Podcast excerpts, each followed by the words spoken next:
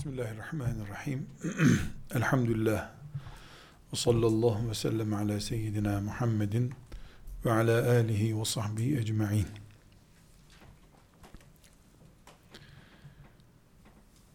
Avrupa'dan İslam şeriatını öğrenmek, Allah'a davet kültürü elde edebilmek için İstanbul'a gelmeniz yorumlanacak olursa iki başlık açılması gerekir. Birincisi Avrupa'dan veya daha uzak diyarlardan İstanbul'a geldiğinizde bulacağınız şey İstanbul değildir. İlim değildir bulacağınız şey niyetinizdir. Çünkü Mekke'den Yesrib'e hicret ismiyle gidenleri Peygamber Efendimiz aleyhissalatu vesselam nasıl değerlendirdi? İnnemel a'malu bin niyyat ve innemâ likullimri'in ma neva ameller yani işler niyetlere göredir. Herkese niyetinin karşılığı vardır. Dolayısıyla siz hanımefendiler olarak Avrupa'dan İstanbul'a geldiniz farklı ülkelerden ve ilim öğrenmek istiyorsunuz. Bir fakülteye girdiniz, bir medresedesiniz. Yerini önemsemiyoruz.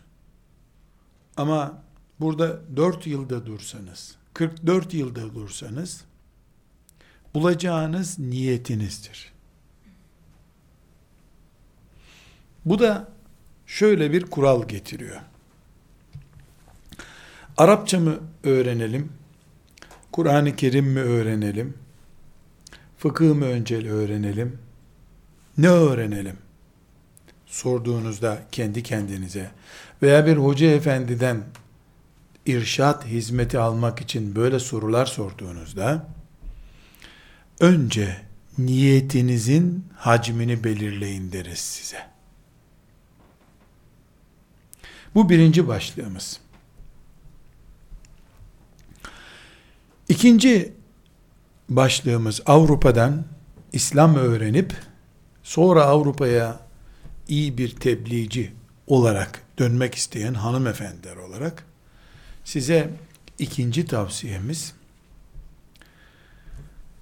orman yolundan giderseniz dört senede ağaç kırpa kırpa gideceğiniz için 400 metreye gidersiniz ya gitmezsiniz. Açılmış yollardan, hazır yollardan giderseniz 4 senede 4 milyon kilometre yol gidersiniz. İkinci konumuz bu. Bu ne demek ikincisi? Niyet başlığını anladık. İki şey Avrupa'dan gelmişler olarak size iki şey özellikle konuşmamız lazım dedik. Birincisi niyetinizi bulacaksınız.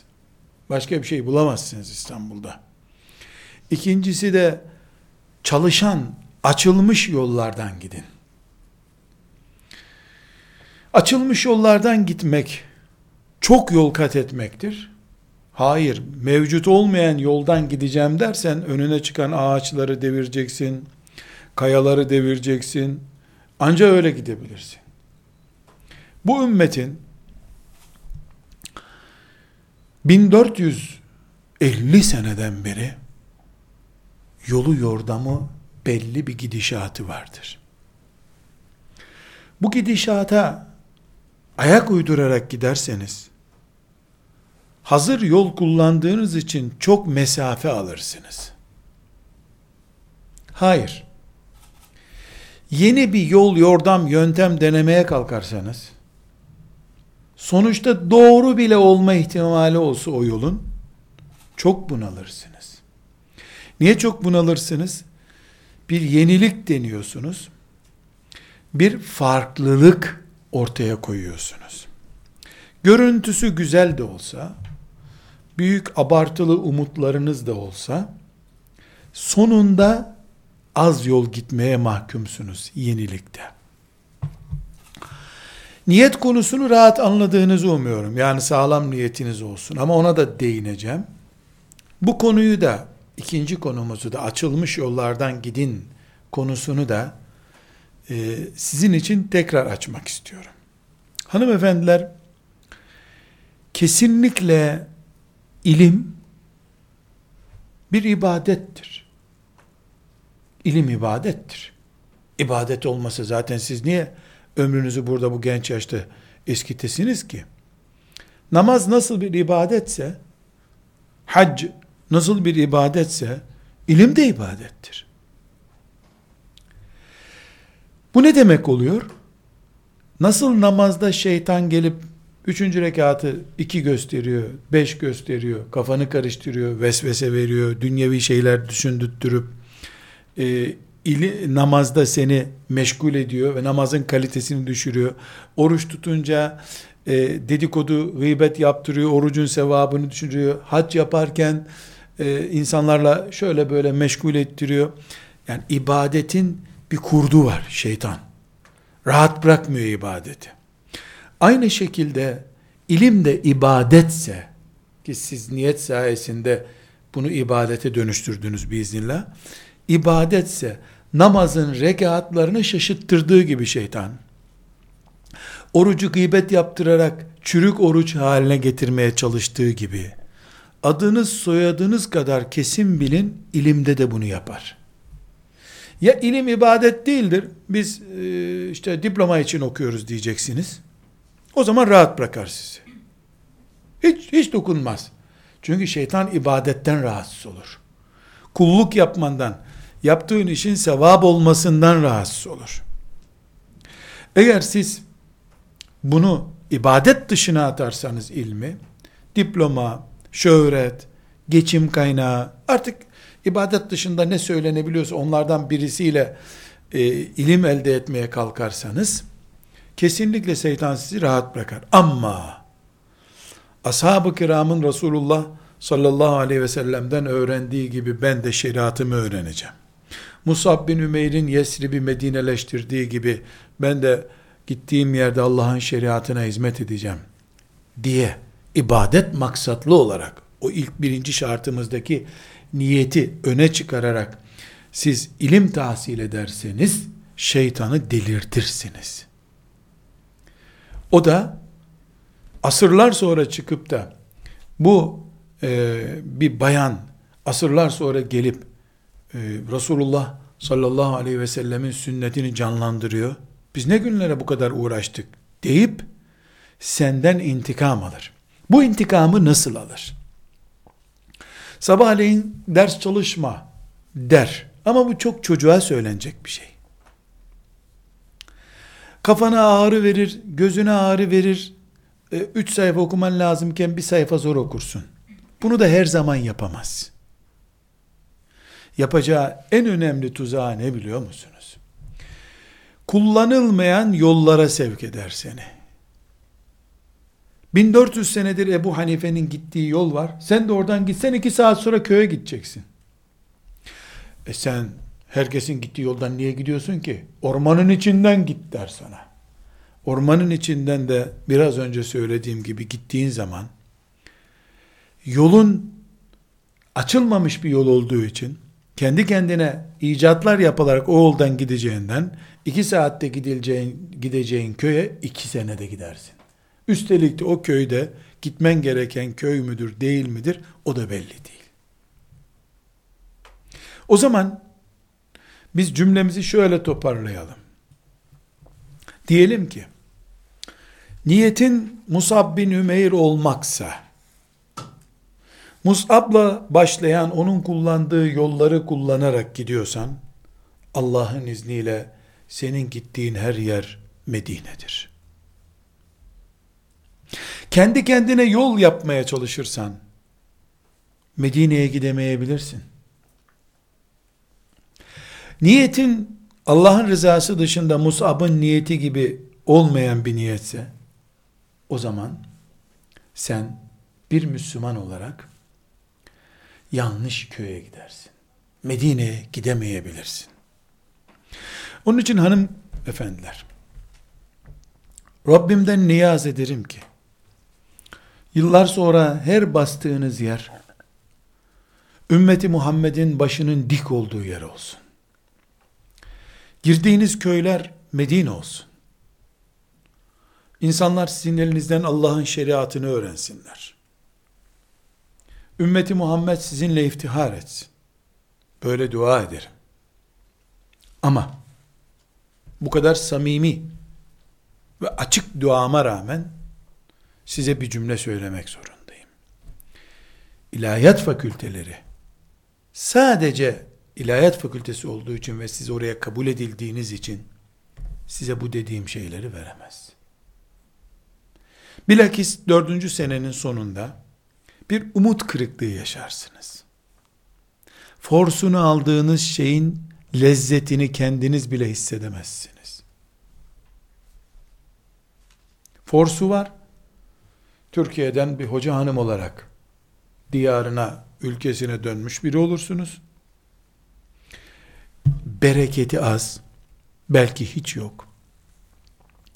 Sözü tesir etmeyen, işte cenazelerde mevlüt okuyan, Ramazanlarda sakızın oruç, oruç bozup bozmadığını açıklayan hoca hanımlar olursunuz. Ya da büyük kainat İslamı yerine tarikattı, gruptu, partiydi, hoca efendiydi, alimdi diye birisine takılırsınız. Büyük kainatın dini yerine 5-10 kişilik, 1000 kişilik, 2000 kişilik bir grubun bağlantılı temsilcisi olursunuz. Siz Musab bin Ümeyr'in uzantılarıyız diye övünmeniz gerekirken filanca cemaatin dergisini satmakla kurban bayramında onlara hisse kurban hissesi toplamakla Ramazan'da sadakaları o grubun adına toplayıp onların duasını, hoca efendinin duasını alacağım. Başkanın onayını alacağım gibi Allah'ın katında çok yüksek değeri olmayan basit işlerle ömür çürütürsünüz. İlahiyat fakülteleri kötü yerlerdir diye demiyorum. İlahiyat fakülteleri bu kadar büyük projenin elde edileceği yerler değildir diyorum. Peki yeni bir ilahiyat fakültesi mi açmanız gerekiyor? Hayır. İlahiyat fakültesini yerinde değerlendirmeniz gerekiyor. Dört yıl sizin için çok büyük bir zaman dilimi. İlahiyat fakültesinde günde iki saat çalışarak bütün derslerin üstesinden gelebileceğiniz kadar rahatlık var. Bunun yani günün ortalama e, üçte biri bile ilahiyat fakültesine ait değildir. Doldurmaz ilahiyat fakültesi üçte birini. Geriye kalan büyük bölümünü siz özel gayretlerinizle doldurmanız lazım. Özel gayretle doldurarak bir elinizde ilahiyatın forsu, öbür elinizde ve yüreğinizde İstanbul'dan aldığınız farklı şeyler olur. O zaman sizin tekrar Avrupa'ya hoca hanım olarak dönmeniz bile gerekmez. Varlığınız Avrupa için bir kurtuluş vesilesi olur Allah'ın izniyle. Olduğu gibi bereket olursunuz o zaman. O bereket Allah'ın lütfu dilinize enerji katar, gözünüze hız katar. Şimdi bu genel değerlendirmeyi yaptık. Bunu tekrar özetleyeyim. Daha sonra da madde madde neler yapabileceğimizi tavsiye edeyim size. Dedik ki İstanbul'a geldiniz Avrupa'dan şu ilahiyata geldiniz, bu medreseye geldiniz, Ezher'e gittiniz. Çok önemli değil. Niyetiniz çok önemli. Niyetiniz çok önemli. Ve dedik ki kesinlikle açılmış yollardan gidin. Ebu Hanife'nin yolundan gidin. Yeni yol açıyor birisi, sen bu yolla da o ağaçları devireceksin dur bakalım deyin açılmış yollardan, Ebu Hanife'nin yolundan, Malik bin Enes'in yolundan, Ahmet bin Hanbel'in yolundan, Muhammed bin İdris'in yolundan gidin. Öbüründen gitmeyi ömür israfı kabul edin. Din, yenilik yapılma alanı değil diye düşünün dedim. Şimdi madde madde size tavsiyelerde bulunayım ki bu sözlerimi anlamanız kolay olsun. Hanımefendiler bir, birinci ve en önemli sözümüz sabah namazını kılarken Ya Rabbi niyet ettim senin rıza-i şerifin için sabah namazının farzını kılmaya diye niyet ettiğiniz kalitede şuur ve ciddiyette niyetkar olun. Niyetiniz hazır olsun. Belki siz Avrupa'dan çıkıp gelirken bu niyeti yapmayı düşünemediniz. Size önerilmedi. E, yapamadınız. Zararın neresinden dönülürse kardır. Bugün bu saatten itibaren niyetini çok ciddi yeniden yapabilirsin. Ömrünün son 10 dakikasında iman edip tertemiz yaşayıp cennete gitmesi mümkün değil mi bir insanın? E siz hayatınızın baharındasınız. Niye sizin için mümkün olmasın ki? Büyük niyet yapın. Niyetiniz ne olsun biliyor musunuz? Allah'ım, Firavun'un sarayında Asiye'yi imanın çekirdeği olarak sakladığın gibi, beni de Avrupa'nın ortasında, bu zamanın, bu ümmetin asiyesi olarak, imanın ve imanımın gerekleri olan salih amelleri yapmanın çekirdeği olarak muhafaza buyur. Bu husustaki ilim gayretimi, heyecanımı eksiltme ya Rabbi diye veya benzeri bir şekilde duamız ve niyetimiz azığımız olarak beklesin. Hoca olmak gibi, diploma sahibi olmak gibi ucuz niyetlere kapılmayasınız. Bir. iki. Yaşınız sizin çok genç. Henüz 20'li yaşlarla oynuyorsunuz. Hayatı da çok az tanıyorsunuz. İlim dünyasını da çok az tanıyorsunuz. Sizden biriniz 20-22 yaşında 22 senede hayatı ne kadar tanıyacak? Aynı şekilde şu kadar zamandır işte Kur'an-ı Kerim okudunuz, ilmihal okudunuz, filan dersi okudunuz. Ne kadar tanıyacaksınız? Onun için hayatı yaşarken ilim yolculuğuna çıkarken bir kılavuzunuz, mürşidiniz muhakkak bulunsun. O mürşit sayesinde çok çabuk yol alırsınız. Deneme yanılma mahkumu olmazsınız. Eğer kendiniz her şeyi öğrenmek, çözmek gibi bir yöntem denerseniz, deneme yanılmayla ömrünüz geçer. Bir kitap alırsın, bu kitabı okuyayım dersin. Yüzüncü sayfasına geldiğinde, bu kitabın sana çok yararı olmadığını anlarsın. Bırakarsın kitabı. Öbür kitabı alırsın, o ağır gelir. Öbür kitabı alırsın, yazarı iyi gelmez. Sen hangi kitabı okuyacağını anladığın zaman da evlenirsin, okuma fırsatın gider. Sadece hangi kitabı okuyacağın açısından değil, hayatı nasıl değerlendireceksin, hangi dersten geçer not alman yeterli, hangi dersi de özümseyecek gibi okuman gerekli. Bu ve benzeri şeyler sizi kesinlikle çok meşgul edecek. Ya bunları deneme yanılma, arkadaşlarını taklit ederek ya da çözeceksin. E arkadaşı taklit etmek, senin gibi zaten hayata yeni ısınmış birisini taklit etmek demek. Çok ciddi bir şekilde sizin için vakit, enerji ve umut israfı olur. Bundan kurtulmanın yolu bir mürşitle yol almanızdır. Siz bayan olduğunuz için, Müslüman bir hanımefendi olduğunuz için, camiye gidip caminin imamından, hoca efendiden veyahut da filanca hoca efendiyle akşam sabah telefonlaşarak, derslerine katılarak mürşitlik hizmeti almanız çok zor. Olmaz gibi demeyeyim ama çok zor. Bir bayan mürşide hanım bulabilirsek ne hala. Hanım bayan bulamazsak mürşide bize rastlamazsa mahremiyeti ve mümine saliha kadın iffetini muhafaza ederek bir mürşitten irşat hizmeti almanız, çabuk yol almanız demektir. Bu çok önemli hanıma bunlar. Çok önemli ama. Bu hizmeti verecek kimse de ekolüne, şahsına, vakfına değil, Resulullah'a çalışacak aleyhissalatü vesselam. Kendisi bir ekolün, bir tarikatın, bir vakfın, bir ilim mezhebinin adamı olabilir. Hiçbir sakıncası yok bunun. Herkesi bir alim, bir vakıf yetiştiriyor zaten. Ama çalıştığı ana kasası Resulullah'ın kasası olacak aleyhissalatü vesselam. Resulullah'a insan toplayacak.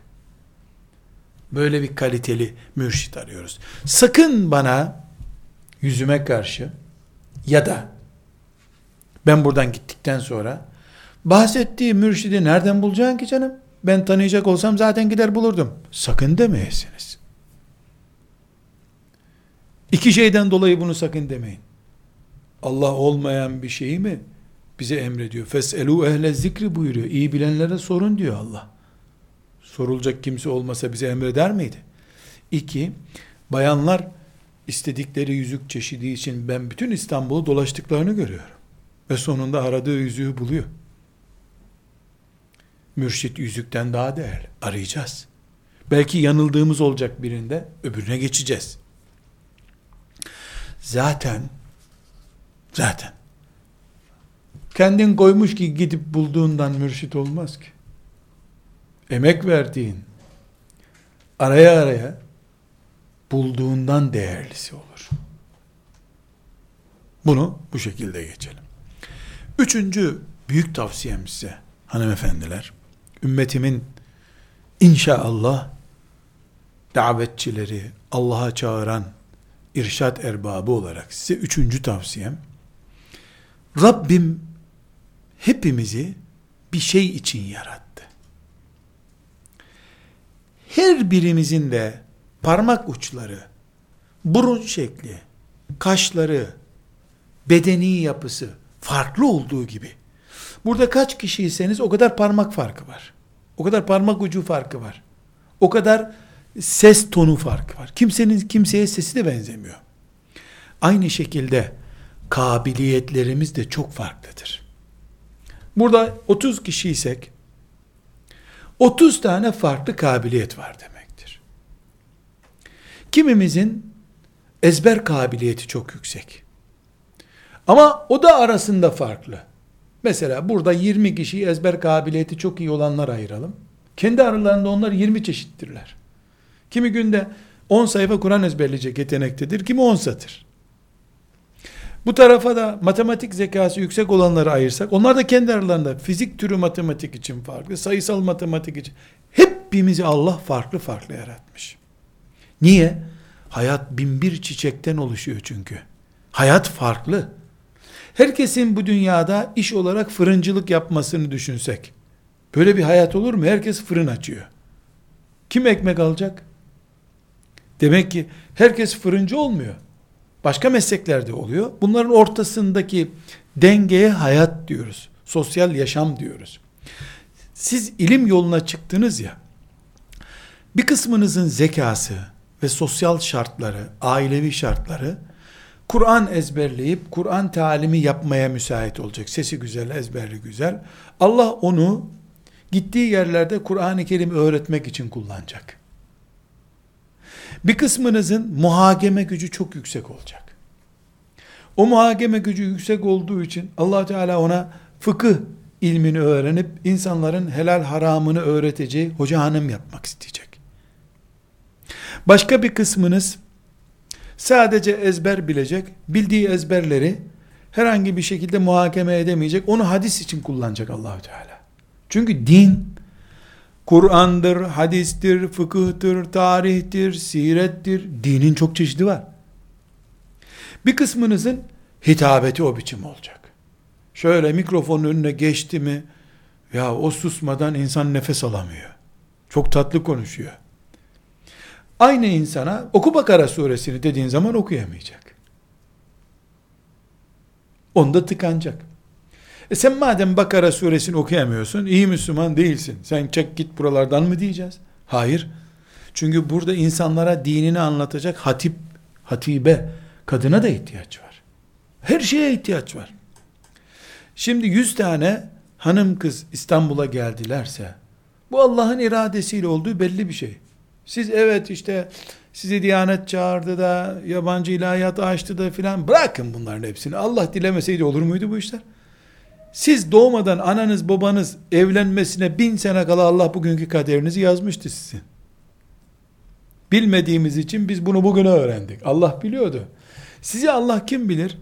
10 bin tane çocuğun Kur'an öğrenmesi için bir vesile olarak yarattı. Sen fıkıh öğreneceğim diye diretmeyeceksin. Kabiliyetlerinizle savaşmayın demek istiyorum. Peki pazartesi günü fakülteye gittik. Çarşamba gününe kadar 3 gün kabiliyetimi belirleme süresi koydum. Yanlış. Bir kabiliyet 3 günde ortaya çıkmaz. Nezle olduğun güne rastlar, hitabetin ortaya çıkmaz. Şöyle bir, bir senede hepiniz kabiliyetinizi anlarsınız. Aynı hoca hadis okurken ağzından bal damlıyor zannedersiniz. Aynı ihlasla, aynı kıvamda öbür hoca geliyor, fıkıh anlatıyor, derste uyukluyorsun. Kabiliyetin seni çağırıyor. Gel diyor. Elbette bunu siz çocuk gibi, aa bu çok güzel, bu bunun yüzüğü de güzel, bunu beğendim.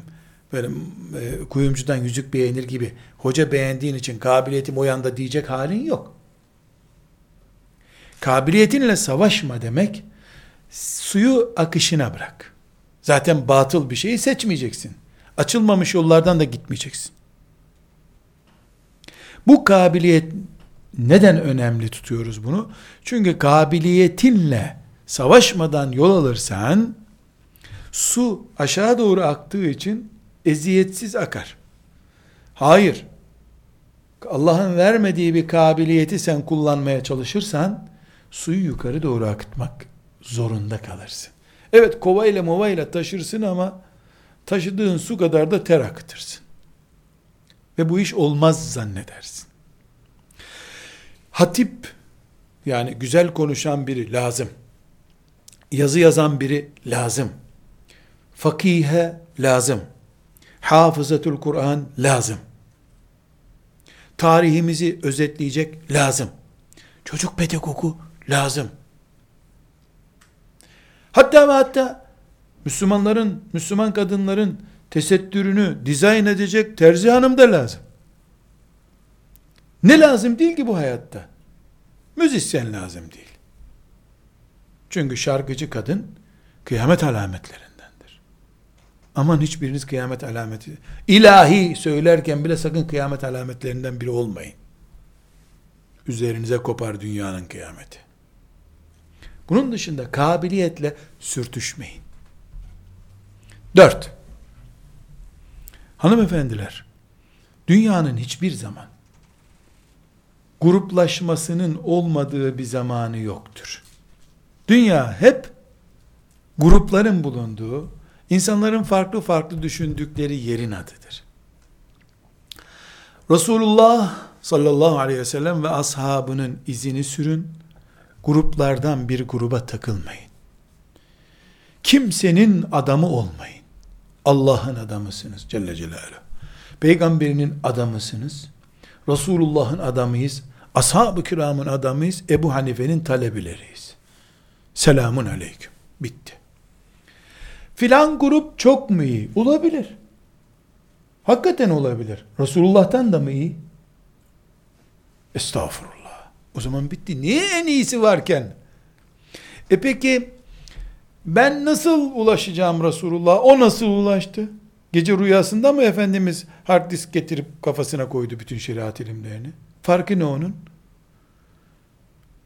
O da 20 sene önce senin gibiydi. 20 sene sonra bak peygamberden aldım diyor maşallah. Sen de 20 sene sonra alırsın. Büyük derede boğulmak varken küçücük göletlerde boğulmayın. O da zaten ana depodan almış, konserve yapmış sana satıyor. Sen de git ana depodan al.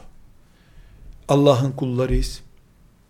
Peygamber sallallahu aleyhi ve sellemin ümmetiyiz. Ebu Hanife'nin talebeleriyiz. Bitti.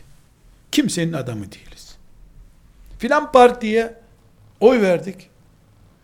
Bugün verdik. Dün vermemiştik, yarın da vermeyebilirim. Adamı değilim ben onun. Biz Medine adamıyız. Böyle düşünelim. Bir başka meselemiz. Şahıslar üzerinden ilmi sevmeyin sakın. Mesela Nurettin Hoca size ders veriyor. Allah'ın kulu bir şeyler öğrenmiş, geldi konuşuyor. Siz anlattığı şeylerdeki güzellikleri sevin. Onunla kıyas etmeyin. Nurattin Hoca size ilmi sevdirecek bir konuşma yaptı. Çok güzel konuştu. Beğendiniz, sevdiniz, gidiyorsunuz. Peki Nurattin Hoca becerip konuşamasaydı ilim düşmanı mı olacaktınız? Madem Nurattin Hoca güzel Kur'an okuyamadı, daha Kur'an okumayalım mı diyecektiniz. Demek ki sizin aradığınız bir hoca değil ki. Fani bir hocaya niye takılasın ki sen? Şahıslarla değil, şahıslardan alacağınız ilimle meşgul olun. Bunu özellikle bayanlara söylüyorum. Erkeklere konuştuğum zaman bu sözleri söylemiyorum. Niye? Onu da açıklayayım. Çünkü bayanlar ayrıntı ile çok meşgul olup özle uğraşmaya vakit bulamıyorlar. Ayrıntı ile niye meşgul oluyor? Mesela bir bayan hoca onlarla konuşuyorsa feracesi nasıldı, söze nasıl başladı, işte hangi hocayı taklit ediyor, ne okumuştur acaba, diploması nedirle meşgulken ders bitiyor zaten. Şöyle bir kabuğunu soymadan onun dersini dinlemiyorlar umumiyetle. Bu ilmin en büyük engellerinden biridir. Düşünebiliyor musun? Beytullah'a gitmiş bir insan tavaf etmesi lazım. Yedi defa dönecek Kabe'nin etrafı. Kollarına takıp aman Allah'ım ne muhteşem yapı ya. Uf. Oh. Ah. Herhalde örtünün üstünde yazılar. Aa, hakikaten kelime-i tevhid yazıyor her yerde. O arada da kolunu dürtüyorlar. Hadi hadi gidiyoruz. Daha tavaf yapacaktık. E ben Kabe'nin büyüklüğüyle meşgul olmaktan tavaf yapamadım. Vakitte bitti gitti. Kar mı bu? Yazık günah. Bayanlar çok meşgul oluyorlar. Ben örnek vereyim. Siz deyin ki yok canım abartıyorsun deyin. Şöyle kalemini çıkarsın bir hoca anlatırken mesela benim şu kalemimde olduğu gibi Allah Allah niye acaba kısa kullanıyor bu kalemi? Demek bayan böyle kalem kullanır. O bununla zihnini 15 dakika meşgul eder. Hoca da anlatır anlatacağını gider. Toplantı biter. Bu bayanlarda daha yoğun. Siz ilim insanısınız. Bayanlarınızı bir miktar feda edeceksiniz. Çünkü bu bayanlıkla ilgili bir kapasite meselesi olduğu için kökten bunu atın da desem fıtratla uğraşmış olurum. Bayan narindir ve naziktir. Böyle inceliklere takılır. Hılkatinde var bu. Ama ilim adamı olacak bir bayan biraz bayanlığından da feda edecek. Başka bir başlık. İki şey açtık ya, niyetlerimizi dev yapacağız ve açılmış yollardan gideceğiz. Bunun ayrıntılarına giriyoruz. Dünyanın neresinde olursa olsun, bayan tıp okuyor, şeriat okuyor, tarikat şeyhi oldu, mühendis oldu, ne, ne derse bayan kelimesinin, kız bayan kelimesinin önüne ne koyarsanız koyun, iki tane annesi ve teyzesi bir araya geldiğinde, elhamdülillah tefsirde şu noktaya geldiler, dediği zaman annesi, ne zaman evlenecek? İsteyenleri var mı? Sormadan tefsir bitmez. Hadis de bitmez. Mühendislik de bitmez. Yani İmam-ı Azam'ın bu dünyadaki en büyük örneği. Hatta İmam-ı Azam'dan da ileri gitmiş bir hanımefendi düşünelim. Genç kız 25 yaşında. O konuşuluyor. Ne zaman evlenecek? İcazet mi öğrenim? Çok enteresan bir hatıramı size nakledeyim. Bir gün hanımlara verilen bir Arapça icazetine katıldım. Bizden önce bayan bölümü yapıldı. Bir erkekler olarak da bizi buyurun lütfen siz de bir sunum yapın. Perdenin arkasında e, konu, onlar izliyorlar. Yani perdenin arkasından izliyorlar. Biz de 5-6 tane hoca efendi gibi çıktık. Tebrik edip dua edeceğiz onları. E, o arada yaşlı bir hoca efendi e, dedi ki size bir şey anlatacağım. Kızlarım siz sakın üzülmeyin. Anneler babalar kalabalık salon. Siz de üzerinize almayın. Ama ben bunu anlatmasam çatlarım dedi. Anlatacağım kızmayın. Böyle 70 yaşlarında bir hoca efendi. Derler ki Efendimiz sallallahu aleyhi ve sellem ama bu hadis değil. O adam menkıbe gibi anlatıyor şimdi. Derler ki diyerek menkıbe anlatıyor. Efendimiz bugün buyurmuş ki kim iki rekat namaz kılıp hiç dünya düşünmezse, dünyalık düşünmezse cübbemi ona vereceğim. Ali de demiş ki radıyallahu anh ben kılayım ya Resulallah demiş. Kılmış gelmiş. Ali hiç dünyalık düşündün mü demiş. Yok ya Resulallah düşünmedim ama hangi cübbeni verecektin onu merak ettim demiş. Dünyalık bir şey düşünmemiş iki rekatte ama iki üç cübbesi var Efendimizin hangisini verecek acaba diye düşündüm demiş. Şimdi demiş biz burada bu kızları gözümüz yaşardı. Okudukları ilimleri saydılar kızların. O maşallah Allah nazardan korusun.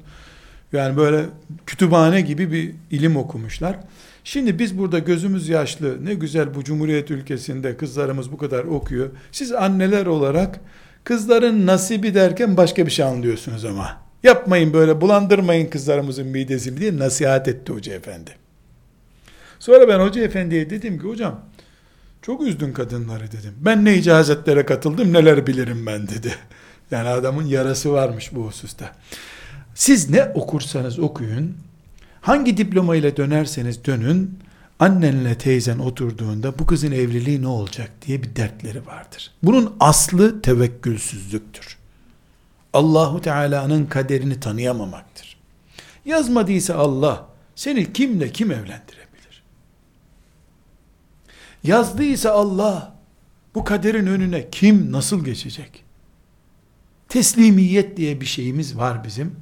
Ne yazık ki git gide de insanoğlunun bu korkusu, kızım evlenemez korkusu bir afete dönüşüyor. Size asla sakın evlenmeyin, icazet alın ondan sonra evlenin diyemem. Bu fıtrata müdahale olur. Eften püften evlenmeyin. Eften püften evlilik ne? Sen Avrupa'dan gelmişsin, tesettüründe maşallah. E bir delikanlı da hem Avrupalı, hem tesettürlü, hem ilahiyat okuyor. E Allah'ım sen ayağıma gönderdin, şükürler olsun deyip, güzel bir destan hazırlayarak, bak işte ben de senin gibi asi arıyordum, deyip, önüne çıktığında, bir kere, seviyeli veya seviyesiz ayrımı yap. Eften püften evlilik buna diyorum. Yoksa Rabbim takdir buyurduktan sonra, senin için de biyolojik olarak zorunluluk oluştuktan sonra evleneceksin. Ama evlilikten sonra, bugünkü evlilikler açısından söylüyorum. Bizim ümmetimizin geçmişinde evlilik ilme destekti. Şimdiki evlilik, ömrün çocuk bezini ütüme, ütülemekle, perde yıkamakla geçeceği için, silinmiş malzemeleri bir daha silmeden uyuyamayacağın için o evlilikte ilim olmaz şüphesiz. Ama evlilik Allah'ın kaderi olunca devam edilir. Size tavsiyem eften püften evlilik yapmayın. Bu ilim yoluna çıkacaksanız, devam edeceksiniz. Bir başka mesele, Müslüman bir hanımefendinin Allah yolunda ilimle meşgul birisinin anne babasıyla kavgası olmaması lazım. Ne edin edin anne babanızı en azından rolantede tutun. Yani size negatif bakmasınlar. Velev ki müşrik bir anne babanız olsun. Ka ki elhamdülillah mümin insanların çocuklarısınız. Anne babayla sürtüşürseniz şeytan bunu bereketsizlik olarak size yansıttırır. Evet annen veya baban veya ikisi batıl bir konuda seni direttiriyor olabilirler. Ee, Avrupa görmüş hanımefendilersiniz. Biraz idare etmesini becereceksiniz. Tatlı tatlı oyalamasını becereceksiniz. Anne ve babanızın dışında da hiçbir akrabanızı takmayın. Teyzen diyormuş gel. Amcan diyormuş duyamamış olun. İşinize bakın. Allah'tan başka anne babalarımızın üzerimizde hakkı var. Başka hiç kimsenin yok. Baban öldüyse, deden babalık yapıyorsa dede baba yerine geçmiş olur. İlim yolunda hiç kimseyi takmayın başka. Özel hayatınızı evlilik olarak simgeledim. Allah'tan sonra da üzerimizde hak sahipleri olarak da anne babayı simgelemiş oldum. Şimdi hanımefendiler, inşallah bu nasihatlerim size uzun ilim yolculuğunda faydalı olur. Bir şeye dikkat ederseniz 3 yıl 4 yıl diye bir rakam kullanmadım. 3 ay sonra ilim maceranız bitmiş olabilir. 3 aylık fidan da fidandır. Allah onunla neler yapar? 30 seneye de hazır olun. İlim bir aşktır. Kitaplarla evlenmeye de hazır olun. Siz belki evlenmeyeceksiniz ama milyonlarca evliliğin çekirdeğisinizdir belki. Hiçbir sakıncası yok. Doğal olun. Zikzak çizmeyin. Allah size her zaman güzellikler ihsan eder. Rabbim sizi umduklarınızdan daha güzeline kavuştursun. Sabredin, sebat edin. Görün ki Allah sizi mahcup etmeyecektir. Vessalatu vesselamu ala Resulüne Muhammed ve ala alihi ve sahbihi ecma'in velhamdülillahi rabbil alemin.